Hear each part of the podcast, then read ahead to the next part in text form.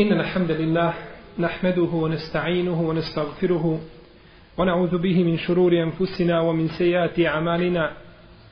من يهده الله فهو المهتد ومن يضلل فلن تجد له وليا مرشدا. وأشهد أن لا إله إلا الله وحده لا شريك له. وأشهد أن محمدا عبده ونبيه ورسوله وصفيه من خلقه وخليله. أدى الأمانة وبلغ رسالة ونصح الأمة وكشف الله تعالى به الغمة وجاهد في الله حق جهاده حتى أتاه اليقين. يا أيها الذين آمنوا اتقوا الله حق تقاته ولا تموتن إلا وأنتم مسلمون. يا أيها الناس اتقوا ربكم الذي خلقكم من نفس واحدة وخلق منها زوجها وبث منهما رجالا كثيرا ونساء. واتقوا الله الذي تساءلون به والأرحام إن الله كان عليكم رقيبا. يا أيها الذين آمنوا اتقوا الله وقولوا قولا سديدا. يصلح لكم أعمالكم ويغفر لكم ذنوبكم. ومن يطع الله ورسوله فقد فاز فوزا عظيما. أما بعد فإن أحسن الكلام كلام الله. وخير الهدي هدي محمد صلى الله عليه وسلم وشر الأمور محدثاتها وكل محدثة بدعة وكل بدعة ضلالة وكل ضلالة في النار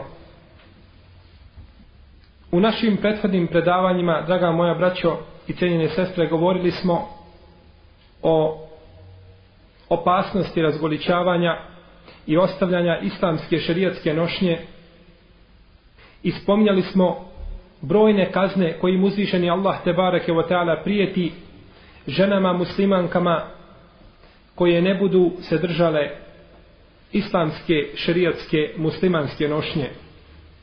Nakon onoga što smo iznijeli nema sumnje da je razgoličavanje jedan od najvećih grijeha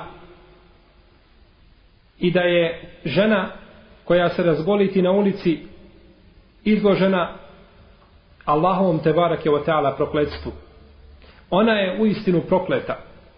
A ako pogledamo u kuransko-hadijske tekstove, to jeste u šerijatske argumente, vidjet ćemo da prokletstvo ne zaslužuje osim nevjernik, kafir, murted, otpadnik ili teški, teški griješnik, fađir i fasik. Kaže naš uzvišeni gospodar Tebarake wa ta'ala Inna alladine kefaru wa matu wa hum kuffar ulaike alejhim la'netullah wal melaiketi wal nasi ajma'in. A oni koji kufur i nevjerstvo u svoga gospodara te barak je o teala počine potom umru na tome kufru ne pokaju se i ne vrate se na istinu i na hak. Ulaike alejhim la'netullahi wal melaiketi wal nasi ajma'in. Takvima pripada Allahovo prokletstvo i prokletstvo njegovih meleka i svih ljudi. Prokleti da su. Znači prokletstvo pripada nevjernicima mušricima, mnogobožcima. Pripada prokledstvo također i velikim griješnicima od muslimana. Kaže naš poslanik sallallahu alaihi wasallame u hadisu koga je zabilježio ima muslim i Ahmed od Džabira radijallahu anhu da je poslanik sallallahu alaihi wasallam rekao la'ana Allahu akile riba wa mukilehu wa šahidejhi wa katibehu wa akila thamanihi. Poslanik sa osrem kaže da je ovdje Allah te barake wa ta'ala prokleo onoga ko jede kamatu i onoga komu pomaže da dođe do te kamate bilo kojim putem. I svjedoke koji svjedoče koji potpisuju prokleo je to Allah Želšanu pa je biti nekome jamac i žirant u banci gdje se uzma, uzima kredit na kamatu onaj koji to potpiše on je proklet kod Allaha on je proklet. Dok si to potpisao, odmah si kod Allaha proklet istoga momenta. A braćo, znate šta je prokletstvo? Šta znači prokletstvo? Prokletstvo znači da te Allah vječno udalji od svoje milosti. To znači da te vječno ostavi u džehennemu. To znači prokletstvo u čarijetu. Kad se zato nije dozvoljeno proklinjati nikoga, kazati mu prokleti jednu, da se jedna osoba prokune pona osob, čak i od nevjernika. Neki učenjaci smatraju čak i od nevjernika da nije dozvoljeno, jer mi ne znamo da li će ta osoba primiti islam pa će jednog dana biti musliman. Osim ako je došlo u Kur'anu i u sunnetu da je ta osoba prokleta. Prokletstvo se znači odnosi na osobu u ome slučaju koja pomogne to. Koja potpiše kao jamac, kao žirant, koja piše i onaj pojede a, nešto od kamate. Sve je to uzvišeni Allah te barake o ta'ala prokleo. I kaže poslanik sallallahu alejhi ve selleme u predaji Ibn Omara koju je zabilježio imam Ebu Davud, imam Hakim sa vjerodostojnim lancem prenosilaca La'na Allahu l-khamr wa sharibaha wa saqiha wa ba'i'ha wa mubta'aha wa asiraha wa mu'tasiraha wa hamilaha wal mahmulata ilayhi wa akila thamanaha prokleo je Allah Želešanuhu vino. Vino je prokleto i alkohol, to je prokleto kod Allaha te barake o teala. I onaj koga pije, proklet je. I onaj koga toči, koga donosi, i on je proklet. I koga prodaje i kome se prodaje. I onaj koga cijedi i kome se cijedi. I onaj koga, koji ga nosi i koji ga, i kome se nosi. I onaj ko jede nešto od alkohola. Da je zaradio nešto od alkohola pa to jede i takav je proklet. Znači čovjek koji pije i koji donosi nema razlike. Oni su isti u grijehu. Jedan i drugi. Pa čovjek koji bi prevozio alkohol, on je isti kao i onaj koji ga pije. Isto je u grijehu. Njih dvojica su u grijehu i oba dvojica su prokleti kod Allaha te barake o teala. Vidimo znači da se prokletstvo odnosi na nevjernike ili na velike griješnike, fasike i fađire. Ovdje je Allah te barake o ta'ala prokleo vino jer je ono majka svih zala kako kaže poslanik sallallahu alaihi sallam umul habaih majka zla svih zala sva zla koja nastaju ili većina tih stvari koje nastaju među društvom i među jednim narodom nastaju kao povod konzumiranja alkohola. Sjetite se one priče koju je zabilježio Imam Ahmed u svome musnedu sa vjerodostojnim lancem prenosilaca, kada se onom Izraeličanu ponudilo da li će učiniti nemoral ili će ubiti onoga dječaka ili će popiti alkohola. Pa je kazao subhanallah ako učinim nemoral to je veliki grije. A ako ubijem dijete to je još veći grije. Pa je odabrao treće. Pa je popio alkohol. Kaže, to je najmanji grijeh, to je između mene i moga gospodara i to će mi moj gospodar oprostiti. Pa je popio alkohol. Pa kada je popio alkohol, nakon toga je učinio nemoral i ubio to dijete.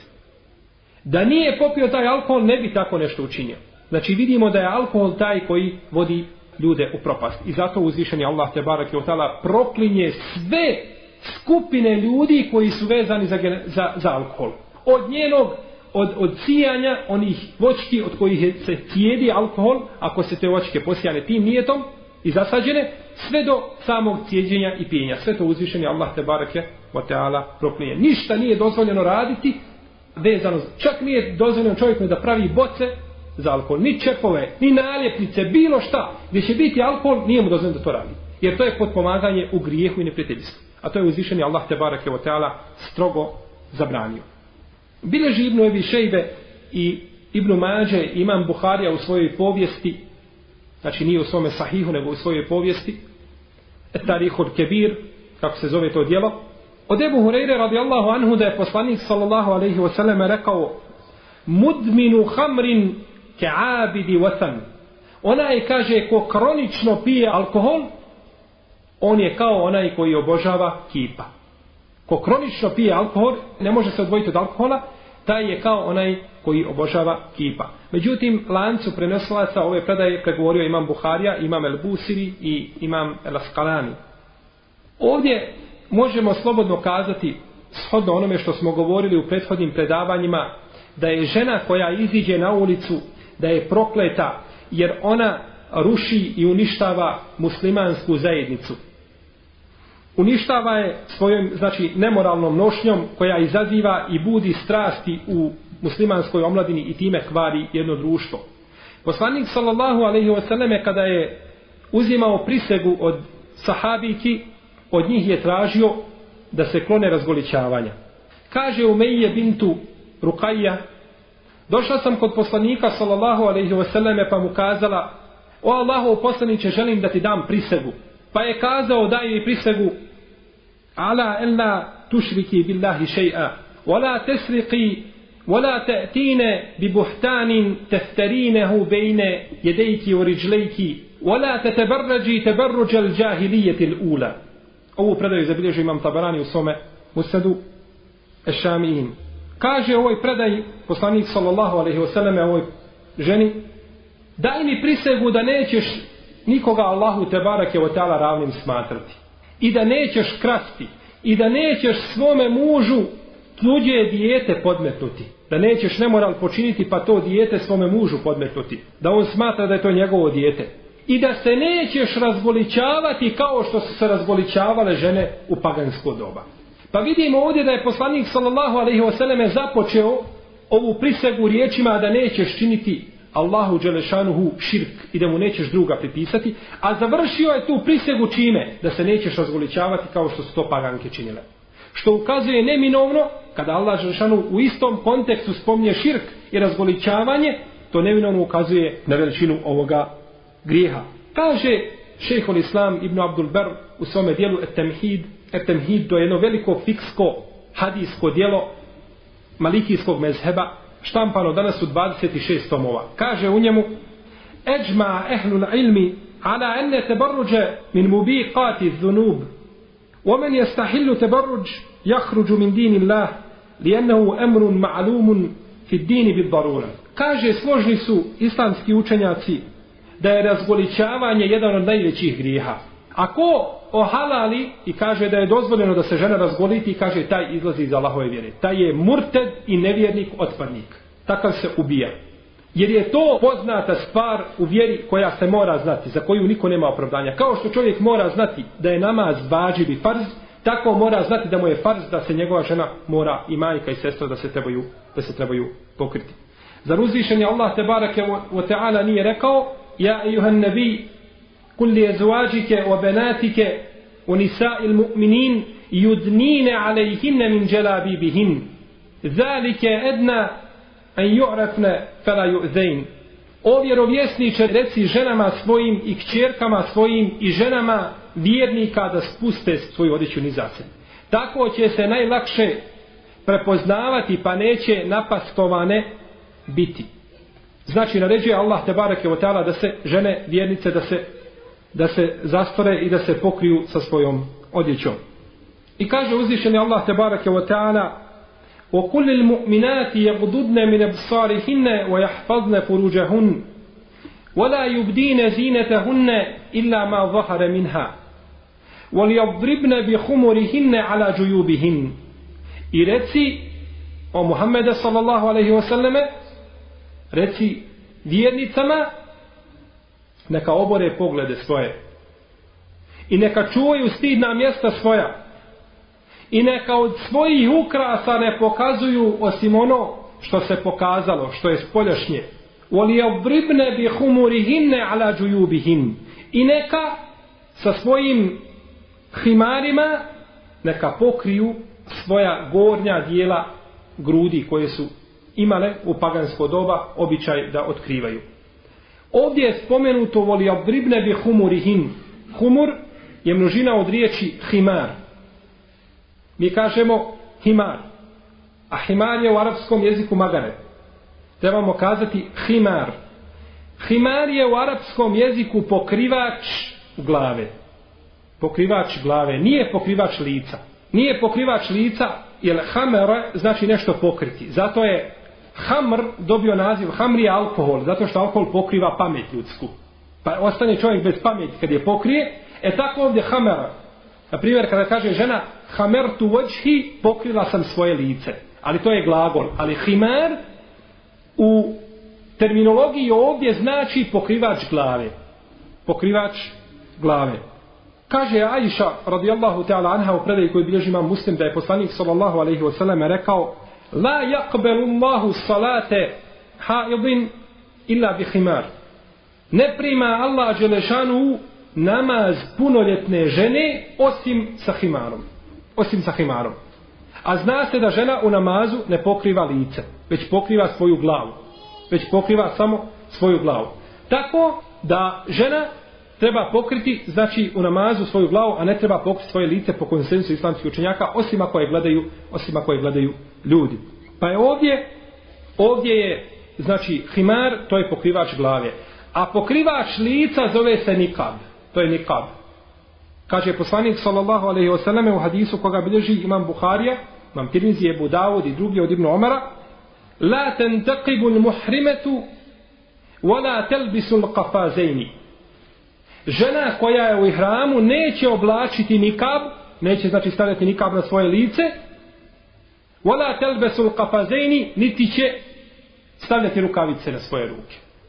To žena koja je u ihramu nije dozvoljeno da to oblači. Znači ovdje vidimo da je nikab pokrivač za lice, a da je himar da je to pokrivač za, za glavu. Draga moja braćo, razgoličavanje ima veoma ružne posljedice po muslimansko, po muslimansko društvo. Zato Allah te barake o teala jeste spriječio i zatvorio sve puteve koji vode ka razgoličavanju i ka tome da ljudi gledaju u žene.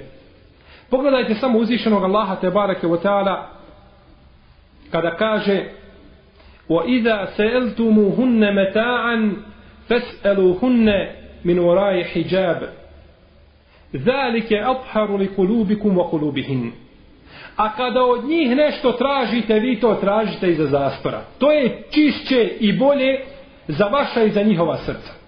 Kada tražite nešto od njih, od žena, tražite to iza zastora. To je čišće za oba dvije strane. Znate li kome se uzvišeni Allah te bareke o tala obraća ome ajetu? I kome govori? Govori ashabima poslanika sallallahu alejhi ve sellem najboljim ljudima koji su kročili zemaljskom kuglom nakon vjerovjesnika i poslanika njima, a s druge strane govori ženama poslanika da je Allah Žešanu zadovoljen sa njima svima, njima se obraća. Da ashabi kada nešto traže od žena poslanika njihovih majki, neka to traže iza zastora. Neka to traže odakle? Iza zastora. Pa šta mislite onda o generacijama koje dolaze nakon poslanika sa osrem? I o ženama koje nisu njihove majke? Kakav je tu propis? Poslanik, sallallahu sallam, i njegove žene su majke vjernika. Nije dozvoljeno čovjeku doženi ni jedno njegovih žena. Majka. No međutim, čovjek, ashab ga nešto traži od svoje majke, traži to iza zastora. Pa zar će se i nakon toga ostaviti mjesta sumnji? I zar će muslimanka sumnjati u to da treba da se zastire, da se zastire od, od ljudi? Bilježi ima Mahmed i Sabirači Sunena i ima Medarimi od Ukbeta ibn Amira il Džuhenija da je kazao Zavjetovala se moja sestra da će obaviti hađ pješice bosa i bez pokrivača na glavi ići će onako otkrivena. Pa kada je to čuo poslanik sallallahu alaihi wasallam kazao je Inna Allahe la jasnau bi šiqai uhtike še'a. Muruha fel tahtemir voli terkeb voli tesum selasete ejam. Kaže poslanik sallallahu Allah Đelešanu nema nikakve potrebe niti koristi da ona sama sebe muči i da sama sebi nepravdu čini. Naredite joj i kaže da stavi pokrivač na svoju glavu i da uzjaše na devu, da ne ide pješice i neka kaže posti tri dana. Neka znači iskupi taj svoj zavjet koji je neispravan. Nije se ispravno tako zavjetovati. Allah te barak je ta'ala ne traži od ljudi da sami sebe muče. Kaže Imam el-Hattabi u svome dijelu me alimu sunan u komentaru ovoga hadisa kaže naredio je poslanik sallallahu alaihi wasallam da se ona pokrije jer je kaže razgoličavanje jedan od najvećih grijeha koji postoji na zemlji koji žena može da učini. Kako može ići na hađ obavljati najvrijedniji ibadet i ići u isto vrijeme u najgorem izgledu bez hidžaba šerijatskog. Pa je poslanik sallallahu alejhi ve sellem naredio ovdje da ona obuče ponovo, znači da obuče ponovo hidžab Žena kada skine svoju šerijatsku nošnju mimo kuće svoga muža, misli se na ulici, takva je izazvala Allahovu ljutnju i Allahovu sržbu protiv sebe. I zato možemo vidjeti u praksi prvih generacija od žena koje su pazile na sebe i na svoja stidna mjesta i na svoje jeli, stidne dijelove tijela koje moraju pokriti pred muškarcima. Bileže Buharija i Muslim od Ata ibn Abi Rabaha, kaže, rekao mi je Ibn Abbas jednoga dana, hoćeš li, kaže, da ti pokažem ženu koja je stanovnik dženneta, dženetliku, ženu koja će boraviti u džennetu. Kaže, hoću o ashabu Allahovog poslanika, sallallahu alaihi wasallam. Pa mu je pokazao jednu ženu, crnkinju, koja je u vrijeme poslanika, sallallahu alaihi wasallam, padala. Imala je onu padavicu ili epilepsiju, koja se zove u arapskom jeziku sara. E sara u arapskom jeziku znači padavica epilepsija. Pa je imala tu padavicu, pa kada bi padala, onda bi se otkrivala, otkrila bi nešto od svoga tijela, pa bi se vidjelo. Pa je došla poslaniku sallallahu alaihi wasallam jednoga dana i kazala mu, o Allahov poslaniće, kaže, ja padam. Ja padam, a u drugoj predaji, innel habite yusri'uni, kaže, u istinu taj pokvarenjak i taj gad, kaže, obara me, to jeste šeitan, misli na šeitana. Kaže, pa moli Allaha Đelešanu da me izliječi. Pa je poslanik sallallahu alaihi wasallam rekao, ako hoćeš molit ću Allaha, kaže, pa će te izliječiti. A ako hoćeš, kaže, strpi se, imat ćeš džennet. Ako hoćeš strpi se, imat ćeš džennet. Pa je kazala svakako Allahov poslaniče, strpit ću se radi dženneta. No međutim, kaže, moli Allaha, kaže, da se ne otkrivam. Ja ću se strpiti da padam. To mogu podnijeti, zato imam džennet. Ali se ne mogu čak ni zbog dženneta strpiti da se moje tijelo otkriva. Pa je poslanik sa osanem dovio i molio Allaha Đalšanu, pa je padala, ali se nije otkrivala, nije se ništa pokazivalo od njenog, od njenog tijela. Pogledajte, draga moja braćo, u jednu jako zanimljivu priču koju nam spominje naš gospodar Tebarek je Teala u svojoj uzvišenoj knjizi. Priča koja zaslužuje, a cijela Allahova Tebarek je Teala knjiga zaslužuje posebnu pažnju, zaslužuje ova priča da se zastane kod nje i da se razmisli o njenim poukama Kaže uzvišeni Allah Tebarek je Teala govoreći o svome poslaniku i vjerovjesniku Musa'u alaihi salam وَلَمَّا وَرَدَ مَاءَ مَدْيَنَ وجد عليه أمة من الناس يسقون ووجد من دونهم امرأتين تذودان kaže i kada je Musa alaihi salam došao do te medijenske vode našao je na tom izboru brojne pastire i skupine ljudi koji su pojili svoju stoku a našao je pored njih ili u neposrednoj blizini dvije djevojke koje su odbijale svoju stoku od tog bunara da ne piju. Pa je Musa alaihi salam časni Allahov poslanik i rovjesnik prišao tim ženama i upitao ih Kale ma hatbukuma kaže šta je vama dvijema zbog čega odbijate tu stoku?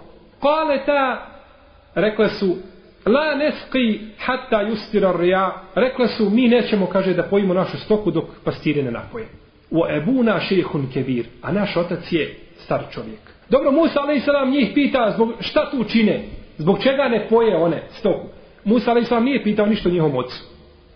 Šta vi činite? Kaže, mi nećemo da činimo i nećemo da pojimo sa muškarcima zajedno. Nećemo da se miješamo sa muškarcima. I da se gužvamo sa muškarcima pojeći stoku. A naš otac je star čovjek. To jeste da je naš otac mladić, ne bi mi bila ovdje. Taman šta bilo da se desilo, ne bismo se mi nalazili na ovom mjestu. Ali naš otac star čovjek u poznim godinama i ne može hodati pa smo mi prisiljene da bi živjeli. Jer stoka u to vrijeme bio mlijeko, meso, koža, sve je to bilo, jeli, to je bio metak od koga je čovjek živio. A kaže naš otac je, naš otac je star čovjek. Kaže Allah te barake wa ta'ala dalje, فسقى لهما ثم تولى إلى الظل فقال رب إني لما أنزلت i leje min hajlin fakir. Kaže, potom je on njima napojio njihovu stoku. Musa, ale napojio njima dvijema tu stoku. Potom se je, kaže, okrenuo pod jedno drvo i kazao, gospodaru moj, inni lima enzelte i leje min hajlin fakir. Gospodar moj, kaže, šta god da mi spustiš od dobra, kaže, ja sam tome potreban. Potreban sam, pa makar i pola temre. Stomak se slijepio za leđa od gladi, ništa nema, a najbolje biće koje hoda po zemlji ali ništa nema Bosonog je došao iz Egipta, pobjegao od faraona i njegovih vojski i došao u Medjen. Kada je ubio onoga čovjeka, kada su se raspredali, ona dvojica, jedan iz njegovog, od njegovog naroda, drugi nije, pa je došao Musa, alaih salam, fe okezehu Musa fe kaba kaže Allah Želšanu. Pa ga je Musa, alaih salam, gurnuo malo ovako rukom i odmah ga ubio. Tako je Musa, alaih salam, bio jak. Dok ga je dotaknuo svojom rukom i odmah duša izišla. Pa su ga tjerali da ga ubiju, da mu se osvete. U stvari došao je onaj čovjek pa obavijestio Musa a.s. pa je Musa a.s. pobjegao. Došao je iz Egipta bosanom. I nakon što je napojio stoku ovim curama ili djevojkama, okrenuo se pod jedno drvo i tako kazao da je potreban bilo kakve pomoći od Allaha te baraka. To je čula jedna od tih djevojaka, kako navode mu Fesiri, pa je ošla svome ocu i kazala mu. Kaže se da je to bio Šuaib a.s. Otac tih djevojaka da je bio Šuaib a.s. Neki kažu da je bio, da su bili neki rođaci i familija, porodica Šuaib a.s. Nema ni za jedno, ni za drugo, ni za treće pouzdanih argumenta. Ostaje pitanje ovdje pretpostavke. Jer nema ništa što ukazuje da je to sigurno bio Šuaib a.s. Jeli, koji je bio poslan stanovnicima Medijena. Nakon toga kaže Allah tabarake wa ta'ala وَجَاءَتْهُ إِحْدَاهُمَا تَمْشِي عَلَى اسْتِحْيَا I došla je jedna od tih cura hodajući stidno, stidljivo. قالت إن أبي يدعوك ليجزيك أجر ما سقيت لنا. Kaže, naš otac te zove, kaže, da te nagradi za to što si nama napojio naš stoku. Naš otac te zove da te nagradi što si nam napojio stoku. Ođaet ihtahuma temši ale stihja. I dođe jedna od njih idući stidljivo. Idući stidljivo.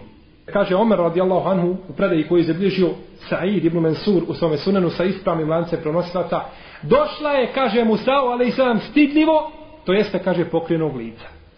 Pokrila je svoje lice i došla je, kaže, Allahovom poslaniku, vjerovjesniku Musa'u, ali i sam. I kazala mu, naš babo te zove da te nagradi zato što si nam napojio našu stoku.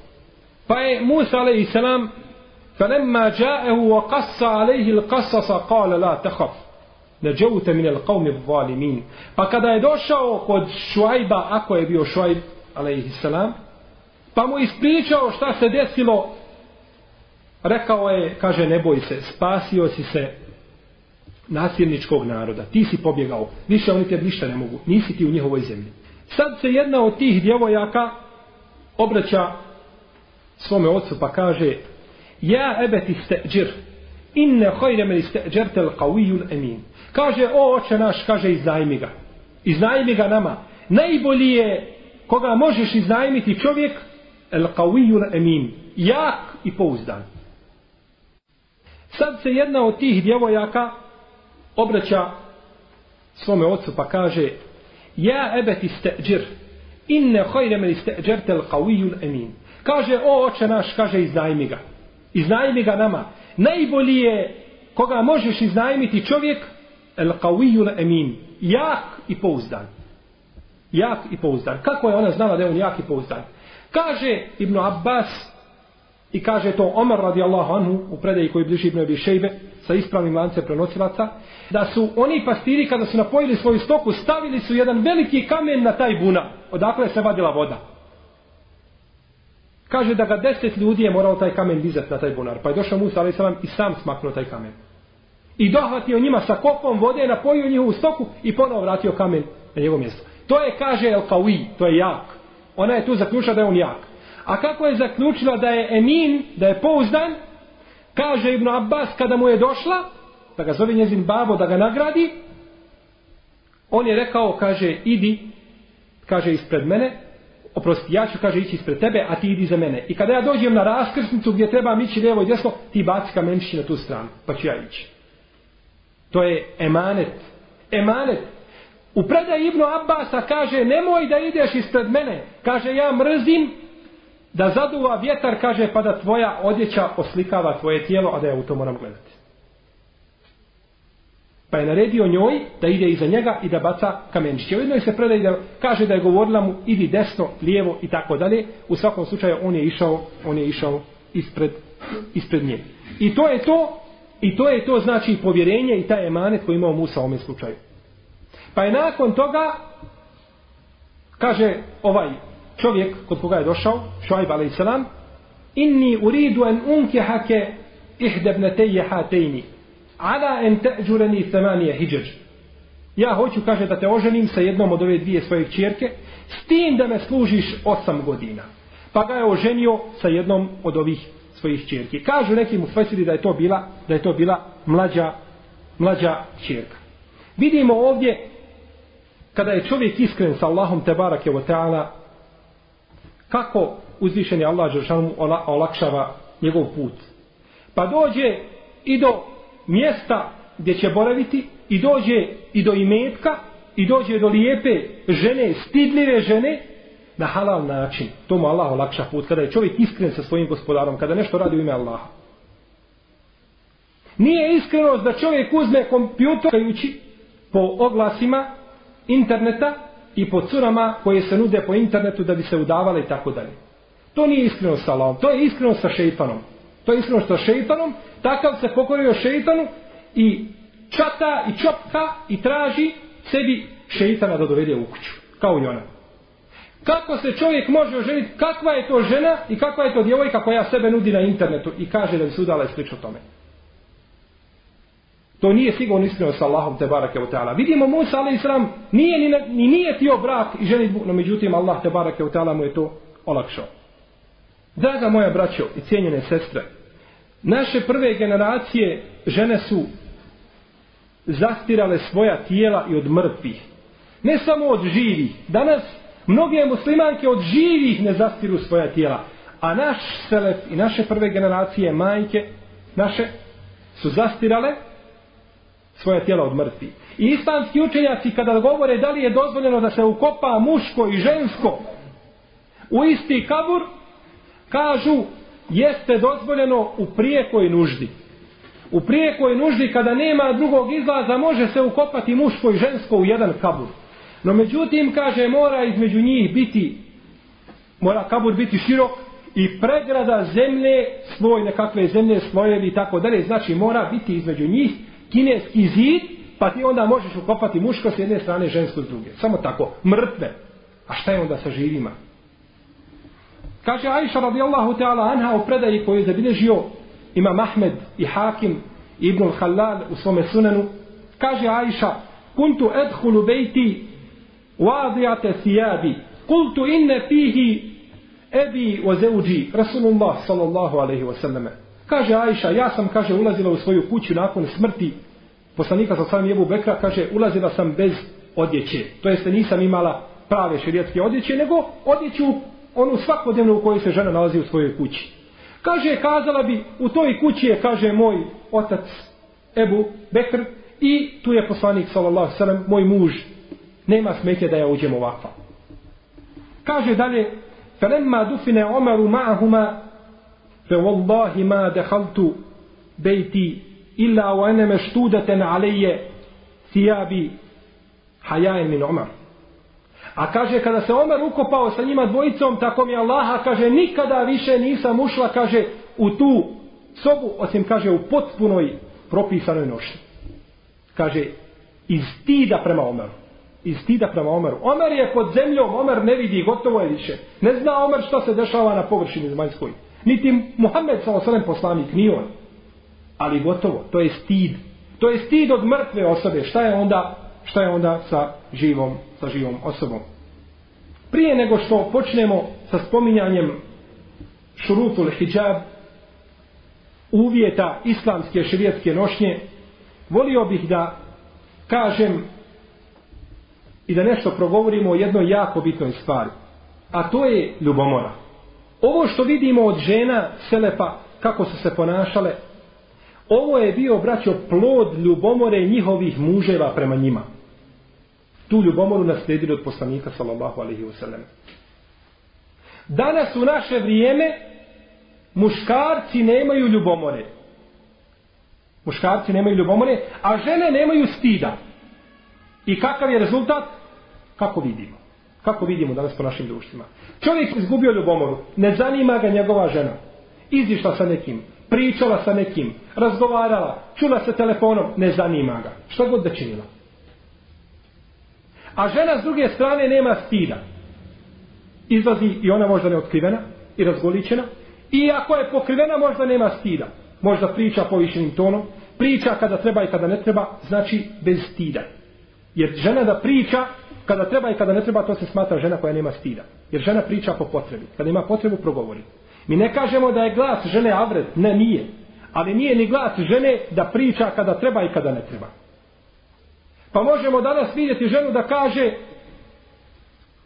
može kazati svome mužu, vjernica, klanja pet dnevni namaza i hijab ima, pa kaže svome mužu, na primjer, u skupini ljudi u društvu i tako dalje, kaže, e pa vidjet ćemo.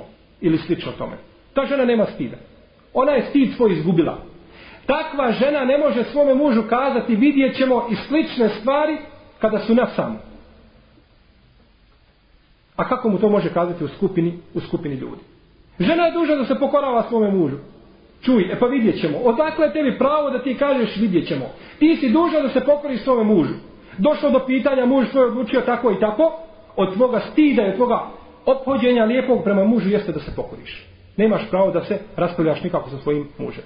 A naročito nemaš pravo da se, da se znači, ovaj, da ga prisiljavaš ti na nešto. Jer je on skrbnik i on je, on je gazda, znači, u kući.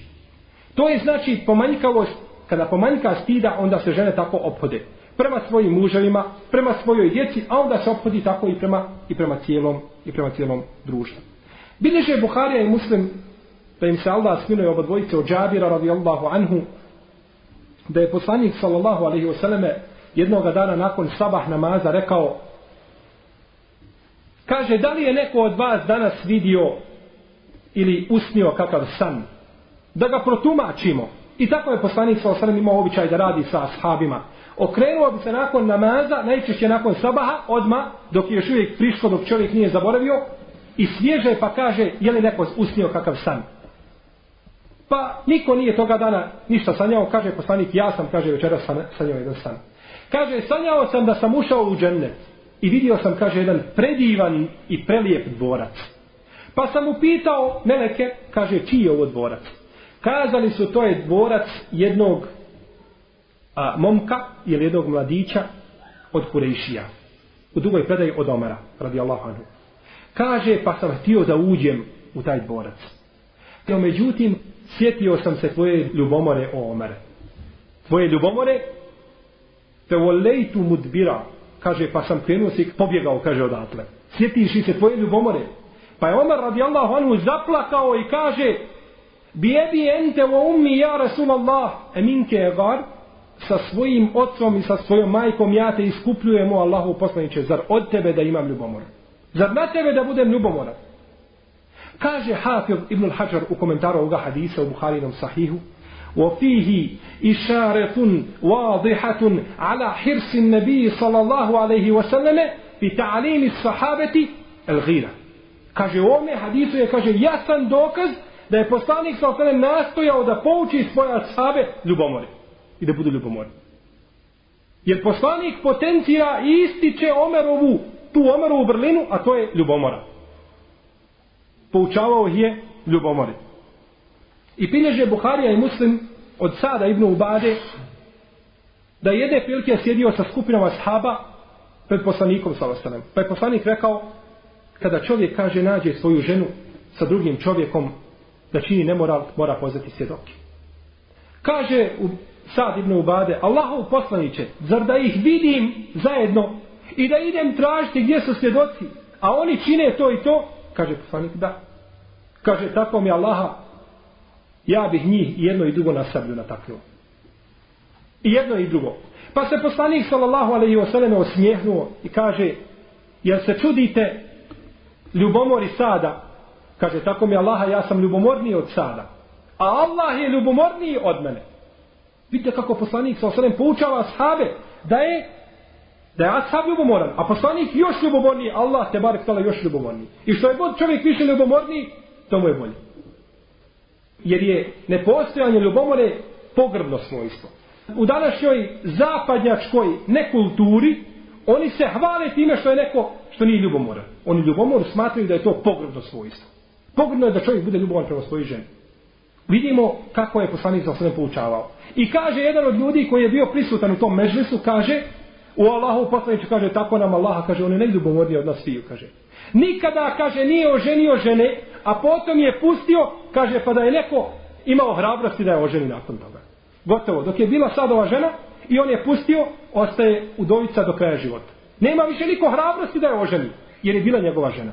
To je ljubomor. Ona više nije njegova žena, njoj je halal da se uda i dozvoljeno. Ali nisu ljudi smjeli jer su znali koliko je on ljubomoran čovjek. E to je ta ljubomora koja mora biti kod vjernika. Ne može biti da čovjek dozvoli svojoj ženi da ona ide svugdje i da hoda i da šeta i da leta, taman bila šerijatski obučena, a da on sjedi u svojoj kući da odmara i da čita novine, da se obrazuje. Neka se žena obrazuje u svojoj kući, a ti iziđi napolje povoljne svoje poslove koje imaš. E tako šerijat naređuje.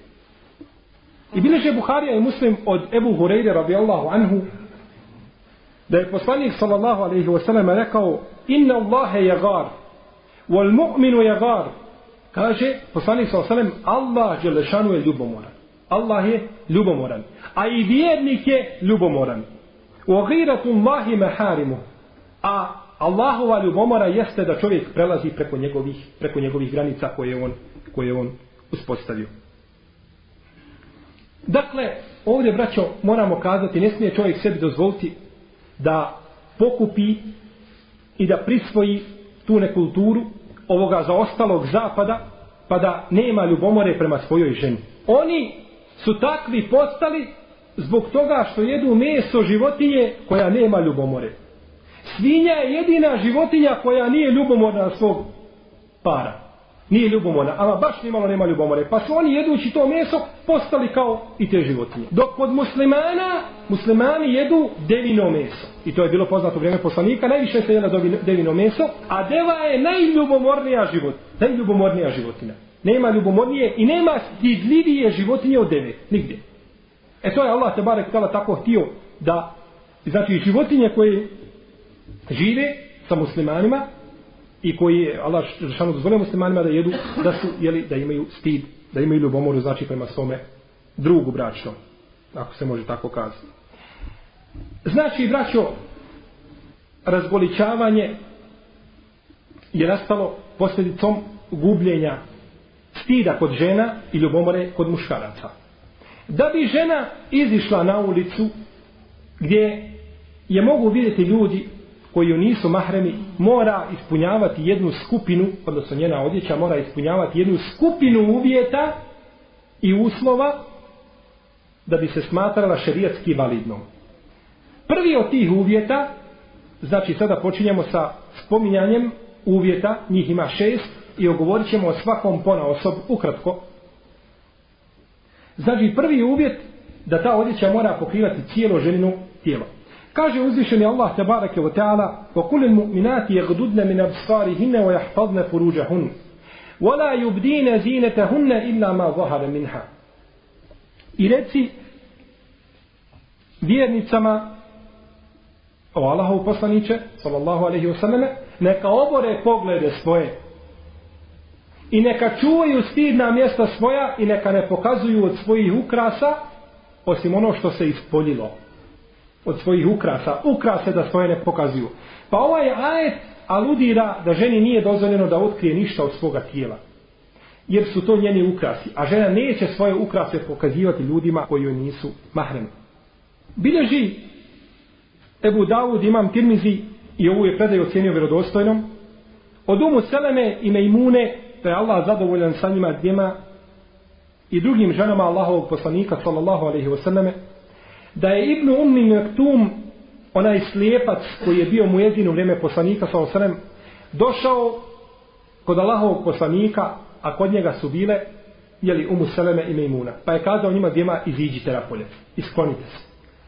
Pa su kazali ovo Allahu poslaniče, zar on nije slijep čovjek? Zar on nije slijep čovjek? Zbog čega da se smaknemo on slijep čovjek? Ne vidi nas. Kaže, a jeste li to vas dvije slijepe? Jeste li to vas dvije slijepe? Morate se znači skloniti jer vi ste pokazali nešto od svojih ukrasa, a čak ni pred slijepim čovjekom to ne smijete pokazati. Pa kako onda pred čovjekom koji, koji vidi? A kako pred čovjekom koji je pokvaren i koji ima pokvarene, koji ima pokvarene oči? I zato kaže poslanik sa osanom u predaji koji bliže imam Tirmizi, Ibn Huzeyme, Ibn Hidban, Tabarani i drugi, a vjerodostojno ne smata imam Tirmizi, Ibn Hidban, Ibn Huzeyme i Šeha Albani kaže da je poslanik sa osvijem rekao el mar'atu aure žena je avret žena je, sva žena je avret a avret je ono u šarijetu je avret ono što se mora što se mora pokriti. Kaže Aisha radijallahu ta'ala anha kaže Allah se spinovao ženama muhađira, muhađirkama. Kaže kada je objavio Allah te barake wa ta'ala Voli بِخُمُرِهِمْنَ bi جُيُوبِهِمْ ala i neka sa svojim, svojom odjećom pokriju grudi svoje, kaže, umotavale su se, kaže, muhađirke, kaže, kao da su na njihovim, kaže, glavama veliki gavranovi od odjeće koju su umotale. Toliko su umotavale svoje glave. Da se ne bi slučajno nešto vidjelo, vidjelo od a, njenog, njenog tijela. Kada pogledamo ovakav način odjevanja, zar čovjek ne bi bio da iziđe i vidi žene sve umotane, ne vidi ništa od njih. Zar ne bi čovjek tada smatrao da je njegova žena najljepša? Sigurno da bi. No međutim, kada čovjek iziđe na ulicu pa vidi otkrivenu, utegnutu, na televizoru slično, u novinama još gore, pa to onda poredi sa svojom ženom.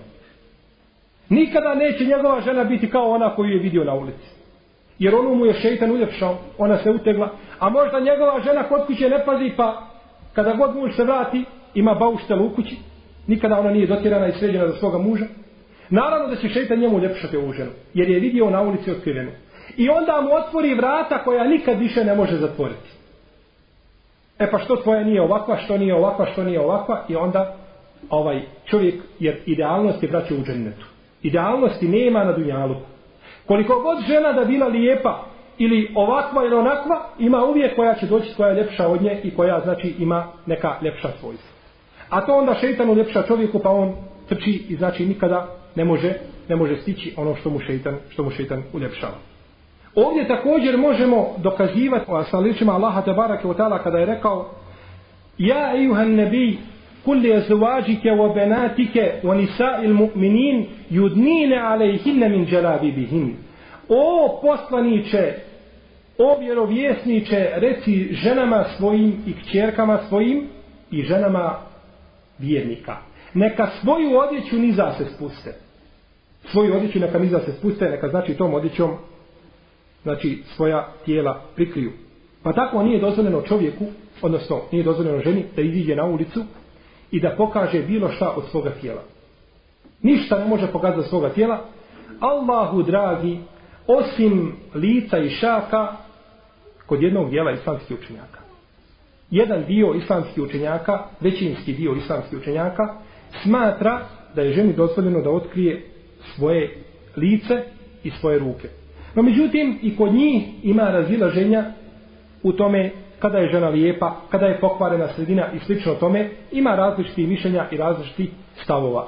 Ja nemam nijet ovdje da govorim o propisu pokrivanja lica, jer je to pitanje samo za sebe koje bi izazvalo možda više od samih predavanja koje ćemo držati vezani za hijab, jer je to pitanje oko koga postoje brojna razilaženja među islamskim, među islamskim učenjacima. No međutim, oni se svi slažu, oni se svi slažu da je bolje i preče i vrijednije i da to bila praksa Selefa i njihovi žena da su pokrivale, da su pokrivale svoja, svoja lica. Ovdje je samo bitno naglasiti mnoge žene kada se pokrivaju, kada otkriju svoje lice, smatraju da je lice nešto više nego što jeste lice u stvari u šarijetu. Lice je u šarijetu od početka čela, odnosno od početka kose, pa nadole, do vrha brade. I od uha, od početka s druge strane uha, do uha. To je lice. Do početka brade. Ovo dole nije lice. Žena koja otkrije ovo dole ne griješi. Ona je otkrila svoj dio tijela koji je zavljeno do tije. Znači, marama mora doći, ili pokrivač glave mora doći na samu bradu. To je lice u šarijetu i u jeziku. Lice u šarijetu i u jeziku i to se mora i tako se žena treba znači pokrivati. Ne treba taj dole donji dio koji se nalazi ispod donje vilice, ne smije ga od taj dio mora biti mora biti pokriven. Što se tiče stopala žene, većinski dio uleme, većinski dio uleme kažu da su stopala avret i da stopala nije dozvoljeno otkriti. Da stopala nije dozvoljeno otkriti. Neka ulema kaže da su stopala kao i noga kao ruka i tako dalje. Da nije dozvoljeno da otkrije svoje, svoje stopalo. Uzvišen je Allah te barake od ta'ala kaže وَلَا يَضْرِبْنَ بِيَرْجُلِهِنَّ لِيُونَ مَا يُخْفِينَ مِنْ زِينَتِهِنَ Neka ne udaraju sa svojim nogama i sa svojim ukrasima na nogama da bi se pokazalo ono što one trebaju da prikriju od svojih zineta i svojih ukrasa. Ako ženi nije dozvoljeno da udara svojom nogom i da time pažnju privlači, onda je sigurno nije dozvoljeno ni da pokaže, ni da pokaže svoju nogu. Pogledajte samo hadis Umu Seleme, koga je zabilježio imam Tirmizi i ocjenio ga vjerodostojnim, imam Darim i Ahmed, Ebu Jala i drugi. Kaže da je došla Umu Seleme poslaniku, sallallahu alaihi wa sallame, i kazala mu, o Allahov poslaniće, kaže, mi se, kaže, naše noge se često otkrivaju kada, kada koračamo. Pa je kazao poslanik sallallahu alaihi wa sallam, spustite, kaže, spustite svoju odjeću, jedan pedal. Jedan pedal. Pa je kazala o Allahu poslanića, kaže, kada ulazimo u kuće i prelazimo preko pragova kućni, kaže, može se nešto otkriti. Nisu one kazale, dosta je to, jer jedan pedal Allahu poslanića, alhamdulillah, i okrenu se otišao. Nego traže ono što je bolje i vrijednije. Danas muslimanke, kao i muslimani mnogi, samo olakšice. Samo da je olakšica. Što više olakšica, samo da, da uzimamo, imaju li osnovi ili nemaju, nije bitno. Ovdje kaže, ona traži ono što je sigurnije, kaže, ali i tada će se otkriti u Allahu poslaniće. Pa kaže poslanik, pustite jedan pedan, jedan pedan neka se odjeća vuče iza vas i kaže, nemojte dodavati više na to. Onda bi se to smatralo da je to oholost. Jedan pedan da se vuče. Danas vidimo kako su to mnoge žene razumjele pa dižu jedan pedal ili dižu, ili dižu jednu podlakticu odjeću svoju. One su to razumjele samo u pogrešnom smjeru. Mjesto da spuste svoju odjeću, one su digle svoju odjeću. Odjeća se mora, odjeća mora padati do zemlje. Odjeća mora padati do zemlje i mora pokrivati, znači mora pokrivati stopala, stopala žene. Što se tiče da žena izlazi na ulicu, našminkana, namazana, naspaltirana, to nije dozvoljeno po konsensusu islamskih učenjaka. Nema se pravo žena našminkati onako kako se uljepšava svoj muž izići na ulicu. Ništa. Ama apsolutno ništa ne smije staviti na svoje lice. Čak ni onaj labelo za lice, za, za usne koji se stavlja i koji se sija, nije dozvoljeno. Jer je on, on privlači, on kada se stavi, on, on se sija i prelijeva se i time privlači, privlači pogled kao da je stavila ovaj, uh, nešto od, uh, od stvari kojima se žena uljepšava svome mužu. Nije dozvoljeno, znači ništa da stavlja, da stavlja na svoje lice. Znači, ovaj šart koji smo spomenuli, ili ovaj uvjet, to bi bio prvi uvjet koji žena, žena mora, znači da ispunjava u pogledu svoje odjeće da bi mogla izići na ulicu pred ljude koji joj nisu, koji joj nisu mahrem. Spomenuli smo da ovih uvjeta ima šest. O narednih pet uvjeta nastavit ćemo govoriti uz Allahu te barake o pomoć u našem narednom predavanju, jer su neki od njih opširniji, neki su kraći, a shodno potrebi spomenut ćemo znači a, nešto o svakom od ovih pet narednih uvjeta, inša Allahu te barake o. Molim uzviženog Allaha Đelešanu da se okoristimo od onoga što smo čuli, da nam učini ovaj naš skup na vagi dobrih dijela, da nas učusti na istini, na haku, da nas učini od iskrenih sledbenika poslanika s.a.v. ljubomornih prema svojim porodicama i prema svojim ženama, da popravi stanja naših porodica i da nas uvede u džennetska prostranstva sa dobrim, iskrenim šehidima, a divno se oni društvo, wa sallallahu ala nebina Muhammed, wa ala alihi wa ashabi ajma'in.